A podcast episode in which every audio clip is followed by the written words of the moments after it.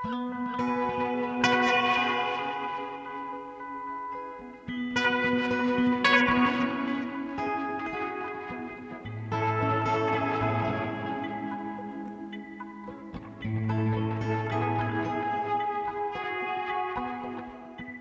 sæl, kærlustendur, Guðni Tómasson og Halla Harðardóttir hels ykkur hérna úr hljóðstofu Vísjár þriðdægin 14. mars. Í þætti dagsins bjóðum við upp á augnablik og eilífð í ljósmyndum, draumaþjófin og Smithsonian-safnið.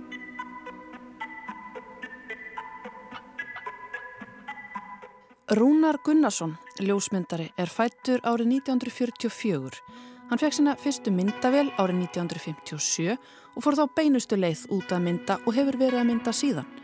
Ljósmyndasýning á verkum Rúnar sopnaði dyr sínar í myndasal Þjóðmennasaps Íslands síðastlegin lögardag og kallast hún ekki augnablikið heldur eilíðin. Rúnar er alin upp í Reykjavík og hefur borgin og mannlífið sem að hún hefur að geima alla tíð verið hans helsta viðfangsefni. Hann segir drivkraftin á bakvið æfistarfið vera þörfina fyrir að fanga andblæð tímans, eilífðina og mögulega eitthvað sannleika og að á sama tíma hafa reynd að forðast fegurðina eins og heitan eldin. Við heyrum meira af því þegar við skoðum ljósmyndirnar með rúnari undir lok þáttar. Nýtt Íslandst leikúsverk Drauma þjófurinn var frumsýnt í þjólikúsinu þann 5. mars síðastlegin. Þetta er fjölskyldusöngleikur eftir Björk Jakobsdóttur sem að byggir á bókunnas Helgasonar. Þorvaldur Bjarni Þorvaldsson semur tónlistina í verkinu Eva Haldur og Guðmundsdóttir leiklistarínir Vísjár rínir í verkið í þættinum. En við hefjum þátt dagsins á fréttum frá bandaríkjónum á stækkunarhugmyndum um eina mestu menningarstofnun þessa stóra lands, Smithsonian-sapsins. Well, I never thought things were the same after that. Vietnam started for real. There was an era of I don't know, make-believe in the Pentagon and CIA. Those of us who'd been in secret ops since the beginning knew the Warren Commission was fiction. But there was something, something deeper. Þið hafið eflaust séð almenningsgarðin eða þetta stóra mikla svæði í fjölmörgum kvikmyndum og sjónvastáttum hlustendu góður. Þarna hafa til dæmis hist marg oft í tilbúnum heimi og eflaust kannski líka í alvörunni einhverjir skuggalegi náungar með viðkvæmar upplýsingar í brúnum umslögum. Látið eins og þeir þekkist ekki neitt og síðan rent umslæginu á millisín, einhverjir njóstnarar eða uppljóstrarar kannski. Þarna fara líka starfsmenn úr nærlikjandi stopnunum sem eru fjölmarkar með hátegismatinn sinn í póka til að snæða í matalinu út undir berum himni og svo litið frá skarkala bílaumferðar. Ég er að tala um The National Mall manngerðan og gegnum hannaðan almenningskarð sem að finna má í miðborg Washington DC, höfuborgar bandaríkjana. Garðin má með góðum vilja nánast tala um eins og kross í læginu. Það sem lengri ásinn gengur frá þinghúsinu á Capitol Hill í austri og að minnismerkinu um Abraham Lincoln í vestri. Með viðkomu í minnismerkinu um George Washington Óbelískunni frægu sem að gefur svæðinu svo mikinn svip og er 169 metra há, ríflega tvær Hallgrímskirkjur. Og svo gengur lengri ásinn áfram í gegnum minnismerkjum fallna hermenn í síðari heimstyrjöld. En þver ás í gardinum, eða krossinum ef við notum áfram þá samlíkingu, er kannski ekki alveg greinilegur en gengur frá kvítahúsinu í norðri að minnismerkinum Thomas Jefferson í söðri. Svo eru þarna víða um gardin eða á jæðri hans söpn og menningar meðstöðar ímiskonar, allskynns önnur minnismerki, til dæmis vekkurinn frægi með nöfnum fallina Hermanna í Vietnamstriðinu og til viðbótar allskynns aðrir skúltúrar og stittur. Þarna hafa farið fram frægir fjöldafundir líka í bandarískri sögu. Þarna talaði Martin Luther King til dæmis um drauminn sinn árið 1963 á tröppu minnismerkisins um Lincoln. I have a dream that one day this nation will rise up and live out the true meaning of its creed. We hold these truths to be self-evident that all men are created equal. Og þarna koma eitthvað um 25 miljónir gesta árlega á svæðið, en skamt undan eru líka hennir viðfæðmu gardar þinghúsins og garðarnir í kringum kvítahúsið. Og svo er þetta líka aðal heimavöllur Smithsonian stopnunarinnar sem er ekkert smá batteri, stæsta sapnakerfi heims með allskynns söpnum, menta og rannsóknarsetrum og þetta er allt á forsendum allríkistjórnarinnar sem stundum er umdelt í hinnum uppskiptu bandaríkjum. Smithsonian stopnunin er á virðulugum aldri, stopnud 1846 Og ef við hugsun bara um söpnin sem eru þarna við The National Mall og þar í kring, þá getum við týnt til innan stopnunarinnar Cooper Hewitt, hannunasafnið, Frýr galerið þar sem asískri list er miðlað, Hirshorn safnið þar sem samtíma myndlistin á sér glæsilegan greiðastað, National Air and Space Museum þar sem allskynns himnaferðum er miðlað, þarna líka náttúrusögursafn, afríst safn og afríst ameríst safn almennt bandarist sögursafn og safnum frumbyggja Ameríku, safn bandarískra lista, alþýðu listasafn bandarist og portréttmyndasafn, svo eitthvað sinnemt. Ég gæti haldið áfram. En það verður sem sagt engin uppiskroppa með áhugaverð söfn í nokkra daga heimsótt þarna í miðborg Washington. En nú berast líka fréttir um að enn eigi að bæta í. Bandarískir fjölmiðlar sem að huga að menningamálum á allreikis grundvelli í þessu stóra landi sem svo oft grýpur til enga fjármaksins vegna menningarverkefna fjalla nú um áallaða stækkun Smithsonian stopnunarinnar. Nýlega bættist í tæplega 5.500 starfsmanna hóp Smithsonian stopnunarinnar nýr sapstjóri sem heitir Nancy Yao Hún hefur undan farin árstýrt sapni í New York sem hefur með sögu kýmveskra bandarækjamanna að gera og hefur áður starfað meðal annars fyrir Yale Háskóla og Goldman Sachs fjárfestingabankan. Og það gleðilega er að Nancy Já á að veita forstöðu nýju sapni undir Radcliffe Smithsonian sem má segja að sé fyllilega tímabært ef hortir á sapnaflórunna þar.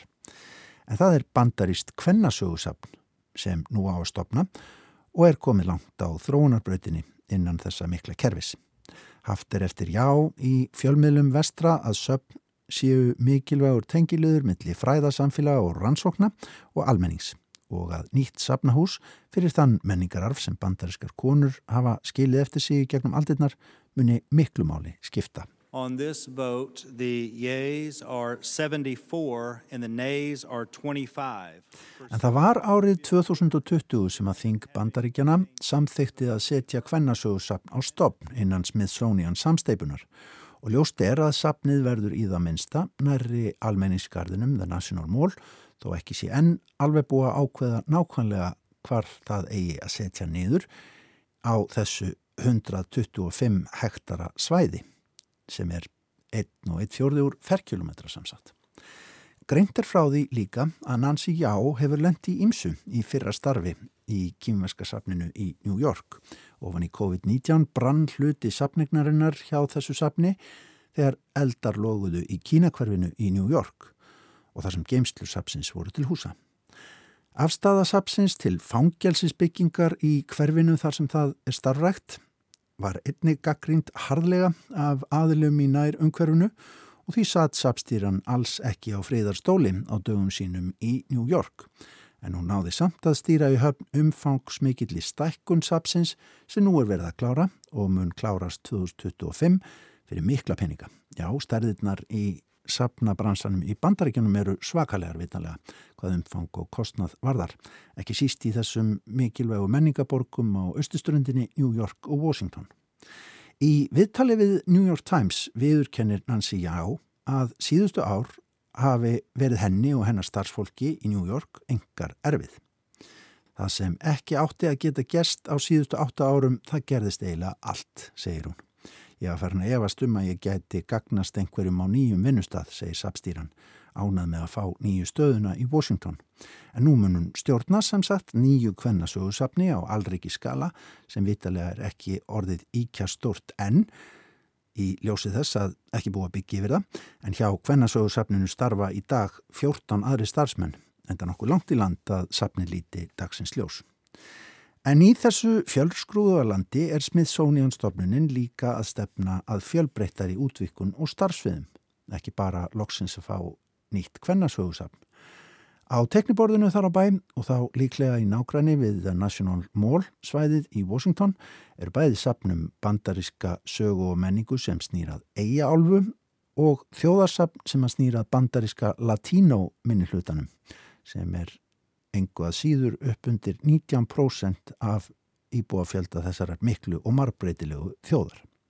Verkefnin eru því næg hjá stopnunni sem er með eitthvað ríflega 150 miljónir sapgreipa í sínum 19 söpnum, 21 bókasapn, 9 rannsóknarstofnanir og dýragarð innan sinna viðbandas og eitthvað sem nefnt. Auk auðvitað mikils byggingarsaps ekki síst á svæðinu í kringum höfuborgin af Washington og á vestu ströndinni. Þó að starfsminn sérindar í 45 ríkum bandaríkjana. Það er sem sagt alltaf stuð og nóg að gera á háa lofti þjóðarinnar The Nation's Attic eins og Smithsonian stopnunin hefur verið kölluð og jú, það er alltaf ókipis inn. Little fly, thy summer's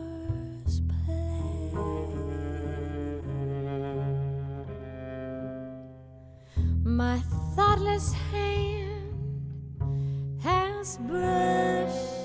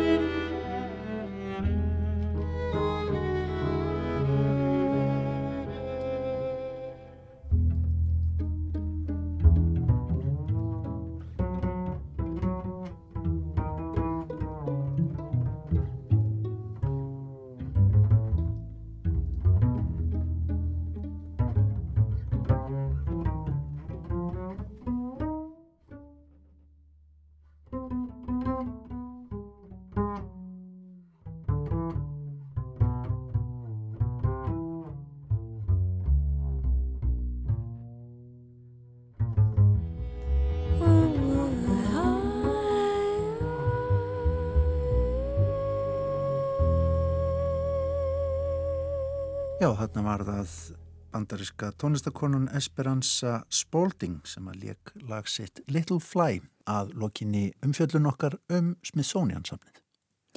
En þá er komið að Efu Halldóru Guðmundsdóttur. Hún fór að sjá nýjan íslenskan fjölskyldusöngleik í þjóðleikusinu, Draumaþjófin. Barnamenning hefur blómstrað á Íslandi undanfærin ár og sínir ný þingsáleiktunartillega um eblingu hennar að vilji er til að festa í sessi aðgengi barna og úlinga að listum og menningu.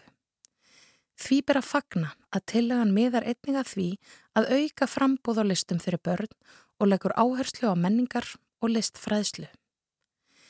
Leikús og leikúpar viðsvegar um landið hafa mikinn metnað fyrir listsköpun fyrir börn og líður vart leikár án þess að sett sé upp að minnstakosti einsýning tilenguð börnum. Sem einstakur áhuga maður um barnamenningu yðaði ég í skinninu að sjá söngleikinn Draumaþjófin upp úr bók Gunnars Helgasonar í uppsetningu þjóðleikúsins. Draumaþjófurinn hefst í Hafnarlandi þar sem róttur hafa byggt sér samfélag. Við fáum að kynnast samfélagsgerðira og hlutverkum þegnana. Við kynnumst jéturum sem eiga að passa matinn en eru líklega þau sem jéta hvað mest af honum. Söpnurum sem sapna mat fyrir heina, njóstnurum sem fylgjast með hættum við höfnina meðal annars mannfreskjum og selum og vara við ef hættastæðjar að. Svo eru það bardagarótturnar sem verja hafnarland og berjast við þá óvinni sem voga sér að leggja leið sína þangað en í þeim hópi eru bátarótturnar sem hafnarlandsrótturnar hræðast svo mikið að þær hreinlega hata þeir.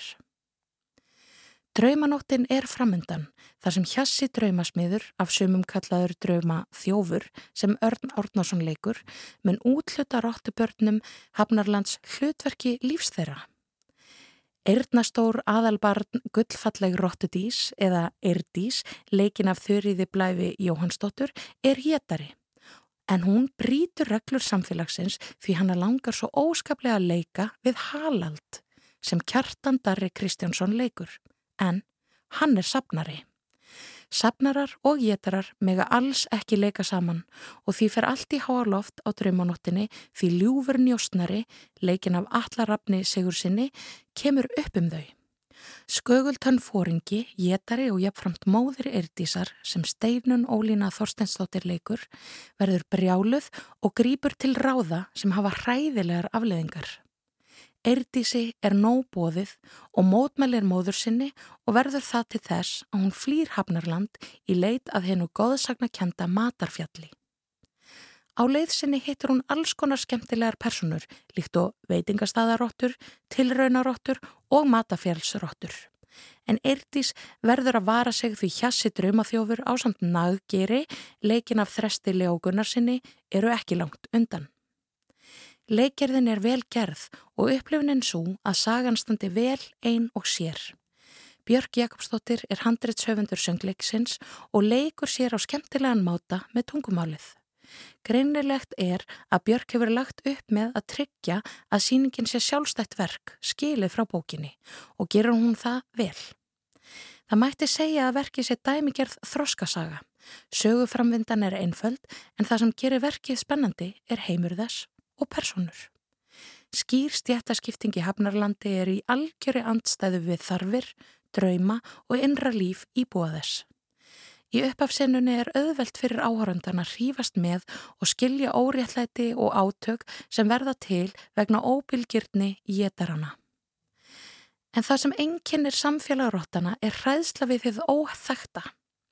Ógnarstjórnin er skýr frá upphafi og má auðveldlega bera kennsla á að getarar og aðalega skögultörn fóringi ala á óta og beita öllum bröðum til að njósnararnir, bardagarotturnar og sapnarar láti vel af stjórn. Svo er ferðalag Eirdísar til borgarinnar stór skemmtilegt vegna þess hver áhugaverðar personur verða vegi hennar. Endurinn er hjartnæmur en heldur endasleppur. En þrátt fyrir að fljótt sér farið yfir sögu í lokverksins er það vel skrifað og greinilegt að Björk hefur nálgast efni við þinn af mikillir virðingu, næmni og skilningi á hvað saga þarf til að skemta börnum. Samspil leikmyndar Ilmar Stefansdóttur og lýsingar Bjarnabergsteins Guðmussonar og Petr Klútsjek býr til glæsilegan og ævintýrlegan heim á sviðinu. Búningar Marju T.H. Ólastóttur rýma vel við leikmyndina og íta undir stjættaskiptingu personana á lúmskan máta.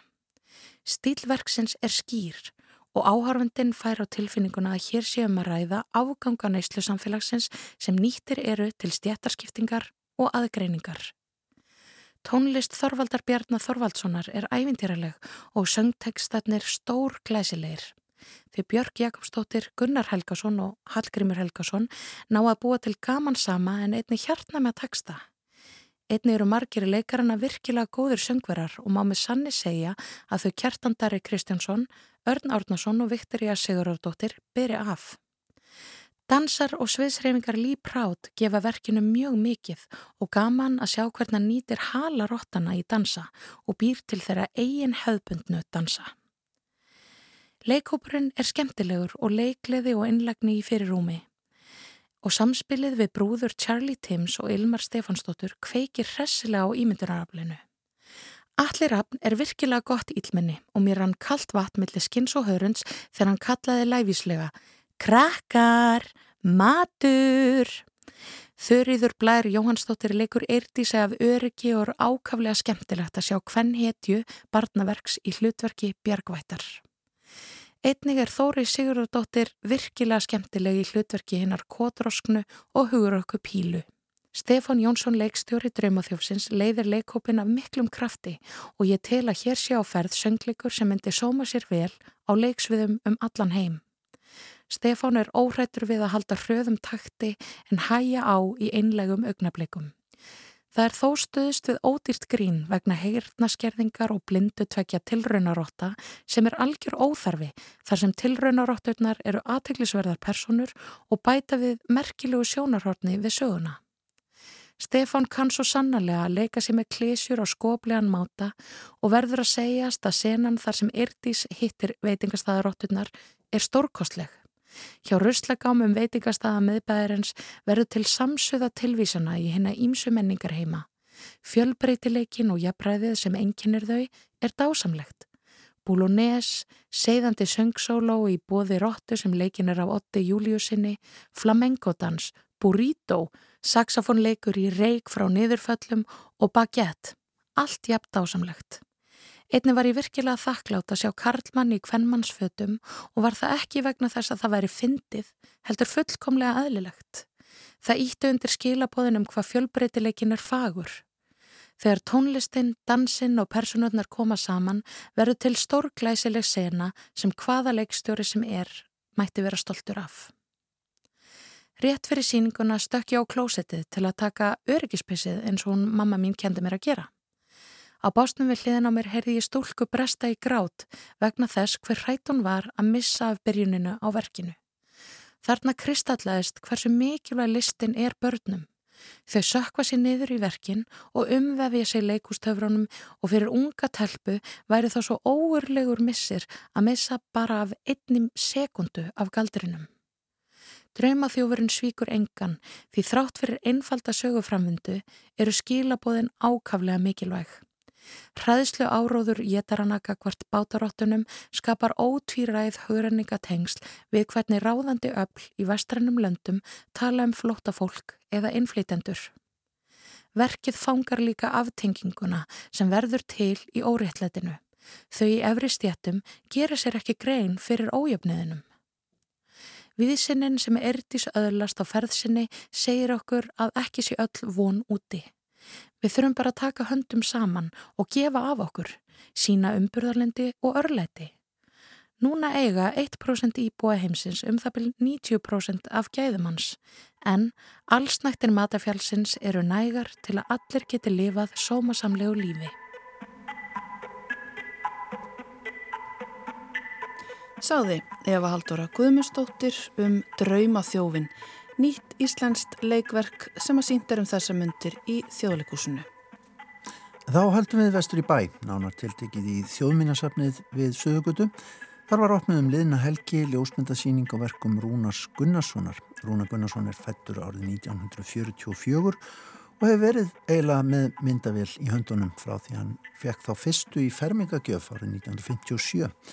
Hann er alveg upp í Reykjavík og hefur borgin og mannlífið sem hún hefur að geima alla tíð verið hans helsta viðfangsefni í ljósmyndunni. Halla fór í þjóminnarsafnið og hitti ljósmyndaran við myndirna hans í morgun. Rúnar, hér standuðu fyrir framann ótrúlega skemmtilega ljósmynd sem er tekin í grímstafur við ægisíðu. Hér eru, hér eru fólk að störfum, það eru krakkar að leika sér, það er mikið líf og hreyfing í þessari mynd og Ég veit að þetta tengist þínum æsku slóðum. Já, ég hérna, bjóð þarna hjarðarhaga og tók mínar fyrstu myndir þarna í grímstaðavörunni og þetta er eina af þeim. Það, það eru fleiri myndir sem að vera á síningum og einn sem er í bókinni en þessi er öðri sem er meiri reyfing í henni.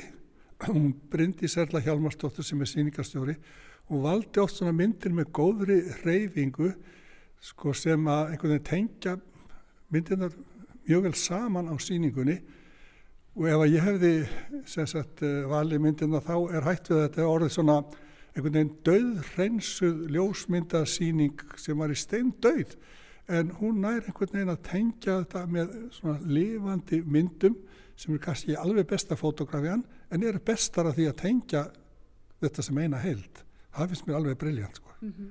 Og hún hefur að samanskapi flokkað, mynda svona nokkra flokka. Já, sko, uh, hún ákvað að síningin yrði í flokkum og hún valdi eina tíu flokka af 24 flokkum sem komu til umræðu. Og uh, þessi flokkar þeir sína kannski einhvað sem að uh, var einkennandi fyrir það tímabil sem síningi spannar og einhvað sem hafi breyst, hefur breyst síðan þá, eða einhver, einhver menningar fyrirbæri sem komu og fóru á tímabilinu. Þannig að hér er til dæmis myndaröð frá menningar fyrirbæri sem stóði 25 ár frá miðri síðustu öld og fram til 1975 og það er þrjú bíó, eða þrjú bíó menningin þegar börni í Reykjavík flyktust í bíó kl. þrjú á sunnudögum og það var mikið fjör og læti og, og hérna sjö kvikmynda úrstarfandi í Reykjavík þetta er menning sem kom og fór og önnur menn, annað menningafæri sem virkilega kom og fór það var hippamenningin mm -hmm. og hún náði hámarki að ég tel á Saltvíkurháttin í 1971 og það myndaröð þaðan þegar blómaböndin komið saman í rigningunni í Saltvík og hlustu á sína tónlist og þau voru skrautlega klætt með með hárbönd, hatta og hasspípur og, og þetta var bara einn stök hátíð sem ég myndaði bak og fyrir sem var ólík öllum svona árlegum sumarhátíðum eins og í Þorsmörk og Húsafelli og Vaglaskói og hvaða nú er. Þetta var einn stök hátíð, saltstokk kalluðu þetta, sem verður aldrei endur tekinn og, og ekki frekar en vúttstokk á sínu tíma.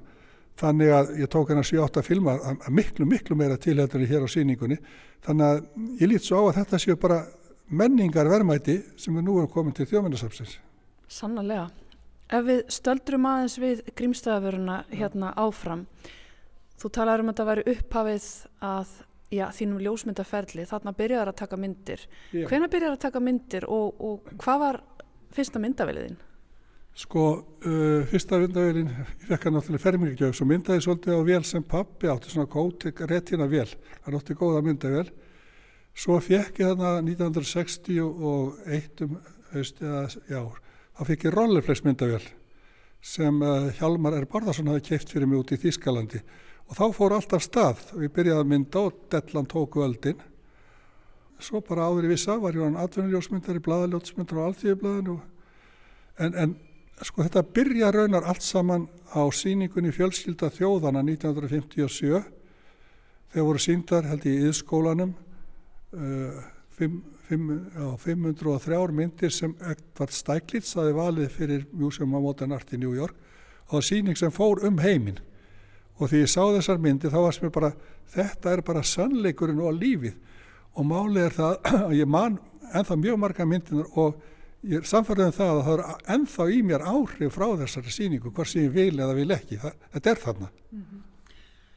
Sannleikurinn og lífið, sannlega stór hugtök, Edvard Steiglitz, þá er hann að mynda lífið í bandaríkjónum, New York borg og svona svarkvítar stemningsmyndir ekki satt sem, sem að maður finnur kannski mitt ennþá áhrifin hér.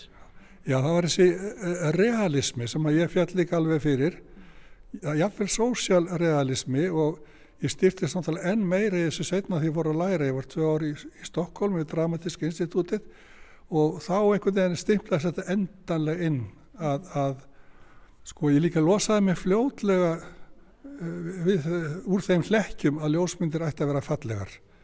Og, og ég reyndi að forðast ferðuna eins og heitan eldin þess að ég er algjörlega samfarið um það að það er eiginlega ekkert stemt er meiri skemda vargur í myndlist en svo ránkugmynda myndir eigi að vera fallegar. Mér finnst það bara bull, það er eiga bara að vera einhvern veginn sannar og djúpar og einhvern veginn ná inn á já, einhver allt, allt annað en fegur Sannar, já. hvað, það er svo margt sem getur falist í þessum sannleika.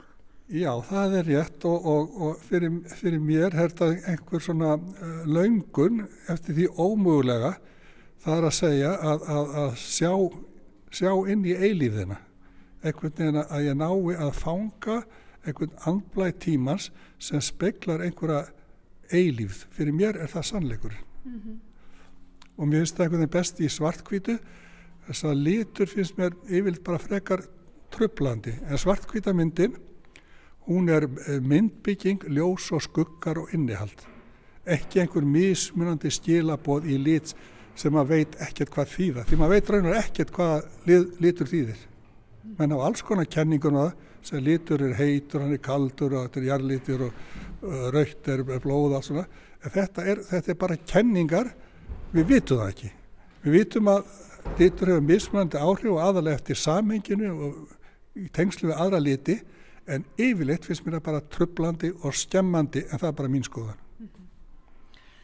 Einmitt, eilífðin, sko, titilsýningarinnar er ekki augnablikið heldur eilífðin, þar sem þú ert að lýsa þessari tilfinningu að fanga eitthvað eilíð. Þetta er auðvitað anstætt því sem eitt frægasti ljósmyndari 20. aldarinnar, uh, það er hérna kannski að vitna í hann, sem vildi einmitt fanga augnablikið, Henry Cartier-Bresson. Já, ég, þetta er kannski, ég er svolítið miklum áhrif frá Cartier-Bresson, en uh, kannski má líka segja það að fanga augnablikið er eilíðin.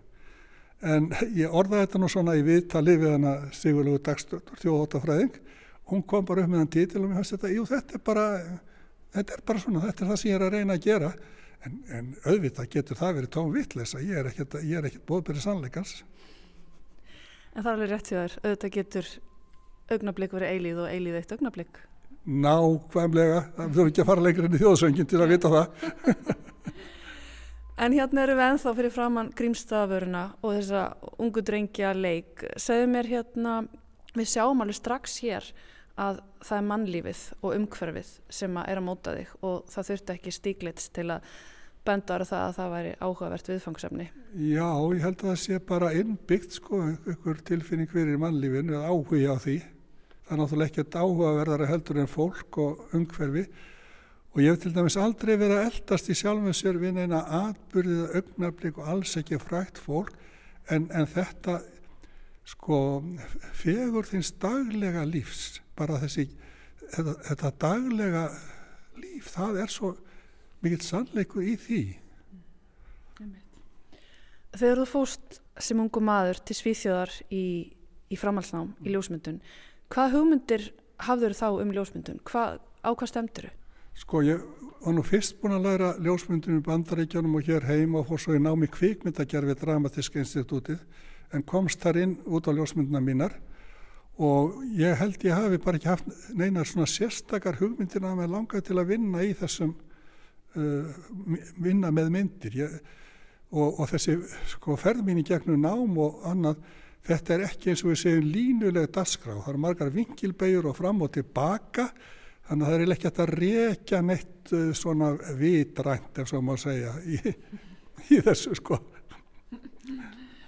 En svo kemur þú heim, skulum við alltaf hérna eins og hérna, velja okkur nýjan stað Já. á leiðinni.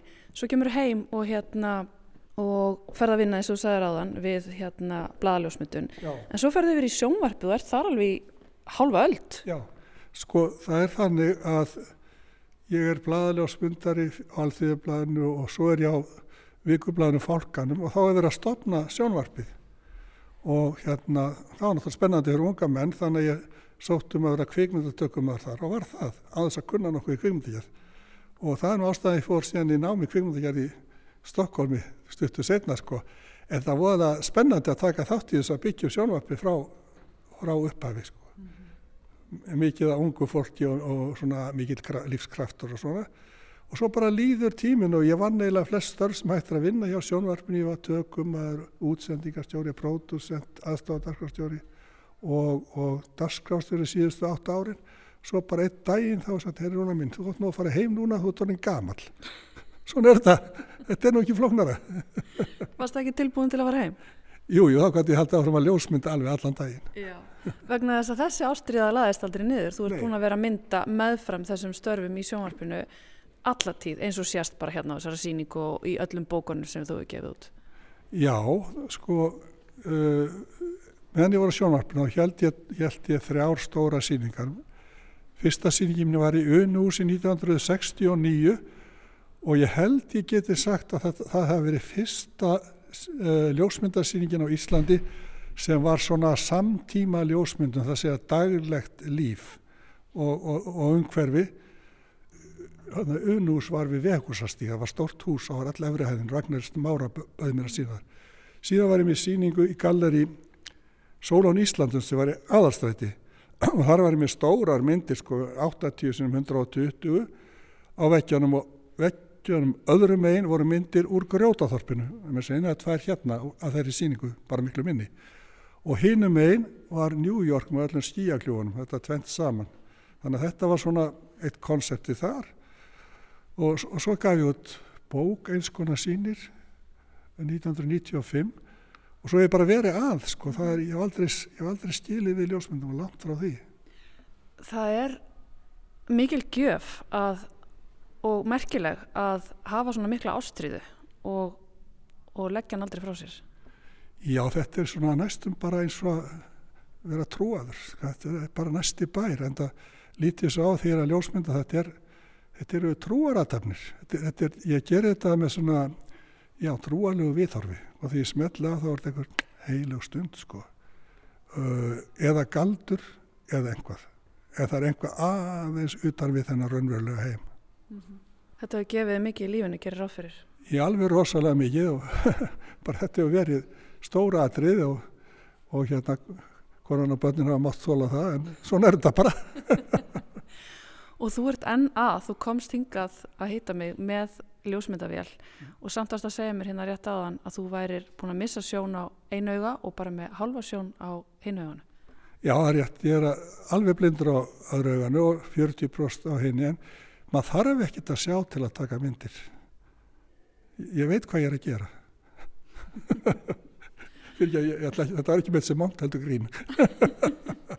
Ég tók þessi ekki sem móti, alls ekki. Nú erum við hérna að ganga fram hjá svo skemmtilegu myndum af börnum í borg borgarlandslæði. Það er mikið um börn hérna. Já, það er alveg rosalega mikið og, og sýningastjónum Bryndis Erla, hún hefur valið rosalega lifandi myndir og náða tengja einhvað sem að svona myndir sem ég er skoð fotografía og annað sem er efnislega mjög gott skilju, hún, hún mér finnst hún gera þetta á alveg snildalega nátt, ég verð að segja alveg eins og er, ég var heppin að fá hann þessi sýningastjóra En börnin og þeirra leikur greinilega heillar þig. Já, en þetta mér finnst það svolítið sárt að mig ekki mynda börn í dag. Nú bara má það ekki. En hérna áður eins og og séðum myndunum á, á bíóseríunni, þá bara koma myndavélina og, og, og, bara börnin óðu upp í linsuna. Myndaði það. Sko ef ég fer að taka myndu í, að börnum í dag, það er þetta bara ringt á lörgluna. En þetta er bara breyttur heimur. En börn eru hvað sem er ekkit úti í dag, þau eru bara heima í snjálfsímanum. Já, það er að mörguleiti satt hjá þér. Mér langaði um þetta að spyrja þig vegna að þú ert búin að vera að fylgjast með borginni og mannlífinu í áratugi Já. og mann verður að hugsa til þess hérna, oft þegar maður sér myndir frá Reykjavík frá fyrir árum, þá upplifur maður eins og það hafi verið fleiri á ferli. Það er, al, það er alveg nákvæð, það er rétt eins og miðbærin hann yðaða mannlífi og það, það var sko það var smarki vinnustæður í miðbæin ef þú tekur bara slippin og Danielslik og, hérðin og allt og svo höfnin höfnin það voru svolítið og blaðsölu krakkar og róp og köll alveg yðandi mannlíf en bara mannlífið er að breytast. Fólk þarf ekki lengur að fara í banka og tollin og allt þetta, það er bara allt afgreitt í tölfunni það er breytingin. Og, og, og fólk er ekki að kaupa dagblöðin í bænum, það bara sér þetta allt í tölfunni Hér er nú til dæmis algjörlega dásaleg mynd af blaðsölustrákum að hrópa vísi eða eitthvað álíka. Já, þetta er vísir, ég held að þetta hafi verið já þetta, þetta sem svolítið sent 75 eða einhvað sko en, en hérna Óðin Jónsson, fréttastjóra, var búin að sjá forsíðun og hann rækki rak hvaða dag þetta var með þess að ég maður það ekki sko. En þeir, þetta var, ég held að dagbladið hefði verið að byrja og þeir eru verið samkeppni og varum með vísum. En sjáðu klæð, klæðnaðin, fótabúnaðin og klæðnaðin. En það búið að gaman að vera að segja blöði með bænum, það fyrir ekki á milli mála. Þetta var á þeim tíma þegar börn byrjuði frekar unga vinna. Já, já, það var ekki bannað í dagurum. Það er allt bannað í dag. bannað, búið að banna allt. Og hér ertu greinilega bara í einhverjum húsgarði að fylgjast með strákum að slást. Þetta Já, er líka þetta dásala held ég sé, eh, Sko hluti af þrjúbíóseríunni að þetta er í barastígnum rétt fyrir ofan Hafnarbíó og þannig eru bara strákar að tuskast á sko. En svona var að strákar voru að slást allstaðar. Einmitt. Og hér eru krakkar að veiða, niður á höfn. Já. Það er svona, já, mikið líf. Það er svona auðvitað þegar maður sér svona svarkvítar, gamlar, borgarmyndir. eh, Það hellist einhver nostalgía yfir. Já, það er nú, það er nú málið sko. Og ég held að sé mikil þörf fyrir þessa nostalgíu, þess að mín kynslu, hún vill aðeins geta litið í baksins beilin og séð þetta og þessar gömlu svarkvítu myndir frá 7. og 8. áratugnum, sko það hefur verið skrifaða margar mjög góðar bækur að gera kvikmyndir um þetta tímabil, en það eru endursagnir. Þetta hér, þetta eru samtíma heimildir, svona var þetta. Það held ég sé styrkur þessar mynda, svona var þetta.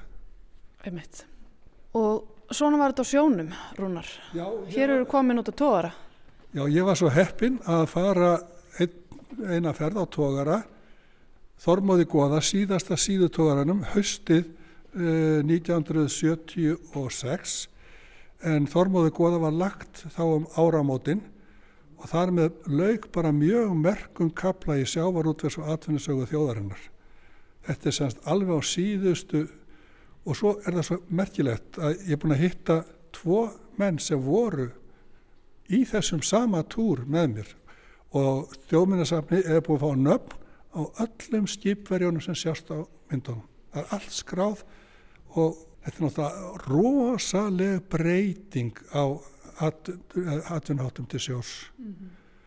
Og eitt sem var 16 ára gamall hásetti, hann lísti því fyrir mér hvernig þetta var raunverulegt. Það var svo hættulegt að vera þarna, að vera að slengja trollinu yfir síðuna í hvaða veðri sem er og þarna voru galgar og vírar og dót sko.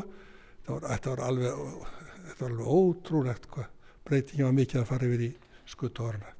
Maður fær bara í magan við að sjá þessa myndir hérna, þeir sveiplast hérna til menninir og aldan skellur á bátnum og auðvitað verður mann hugsa hérna bara til Gunnlaug Skeving. Já, sko ég var þarna með myndavélina og tók, þetta er bara örlíti brotað sem ég tók en þetta safni held er á þjómiðsafninu og verður vonandi einhvers virði í framtíðinni.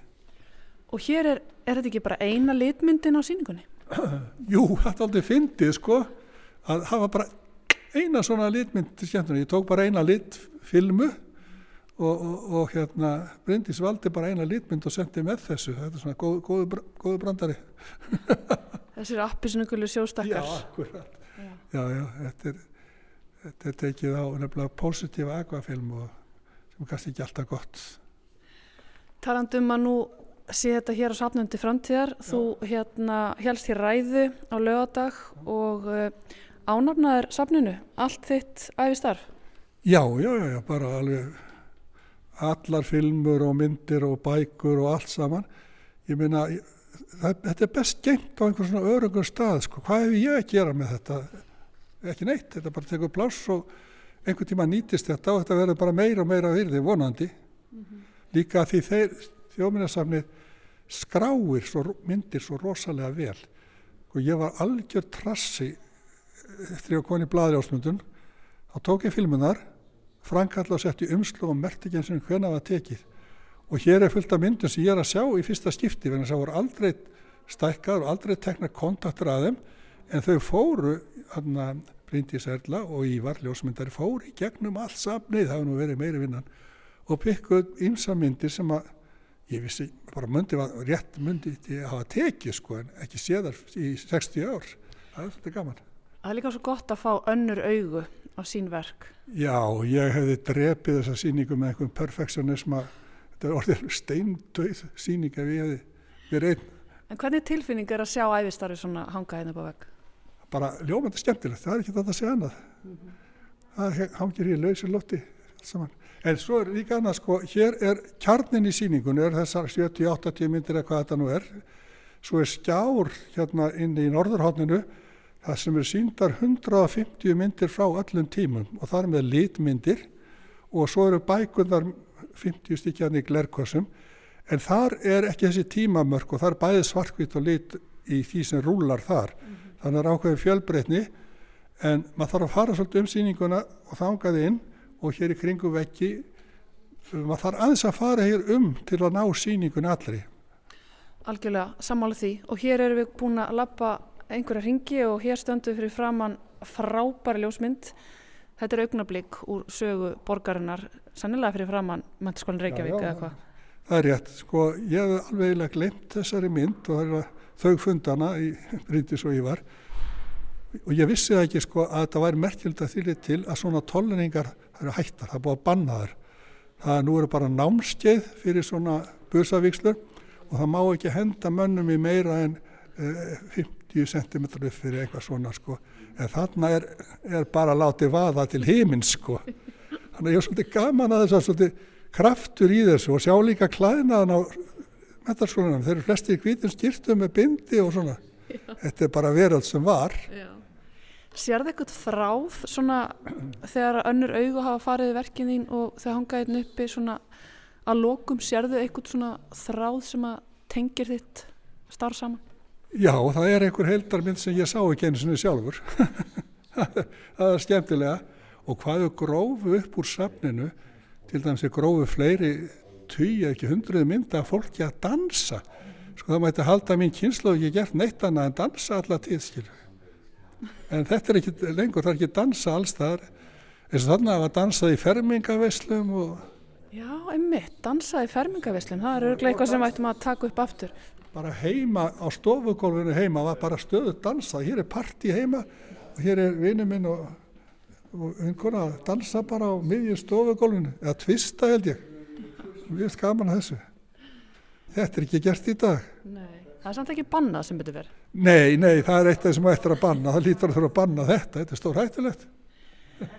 Segðu mér húnar, veistu hvaða er sem að dregur út með myndavelina, hvaða tilfinning það er sem að, sem að lætur þið aftur og aftur vilja fara út í bæ og mynda fólk og umhverfi? Sko, þetta er bara, þetta er eiginlega lífsstíl og mér finnst, sko, Ég þurfa að mynda á hverjum einasta degi, ein, tvo tíma og ég þarf að þjálfa mig bara eins og, sko, og koncertpianisti, þarf að væfa þrjá tíma á dag, alltaf annars missa hann þetta. Mér finnst ég þurfa að meðhandla myndavelina allan daginn, alltaf og æfa ekki bara tæknina, heldur um að æfa aðtiklina. Æfa mig í því að upplifa umhverfið og skinja hér er einhvað, það er ekki sjálfgefið það er þjálfun. Við varum að halda þessu svona gangandi með því gett. Ó borg mín borg ég lofa ljóst þín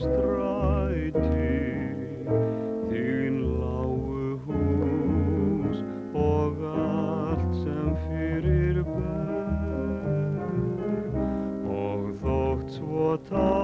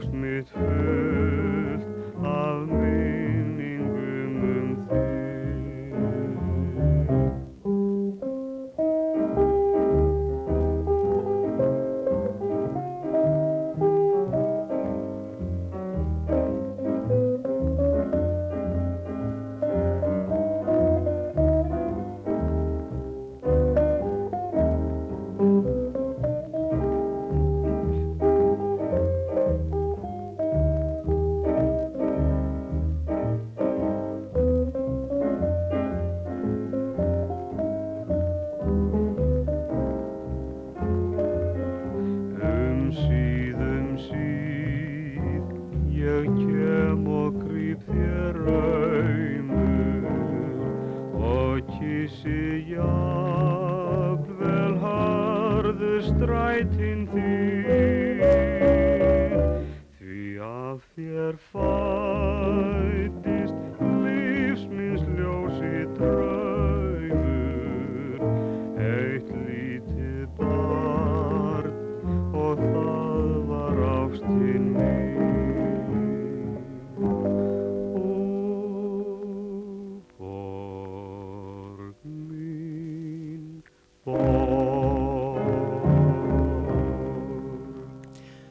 borg mín borg söng Haugur Mortens árið 1954 um svipaleiti og Rúnar Gunnarsson var að fá sína fyrstu Rolliflex ljósmyndavél sem var svo hans helsta tæki til að skinja umhverfið og þá fyrst og fremst Reykjavík. Já, það er ekki sjálfgefið að skinja og upplifa umhverfið sitt. Það þarf að æfa þann hæfileika, það er rúnar í þessu spjallikar. Mikið til í því, finnst það ekki? Jú, mér finnst það. Tilöfni samtalsins að sjálfsögðu síningin ekki augnablikið heldur eilíðin sem opnaði dyrsínar um leðnahelgi í þjóðminnasafnu við Suðugötu.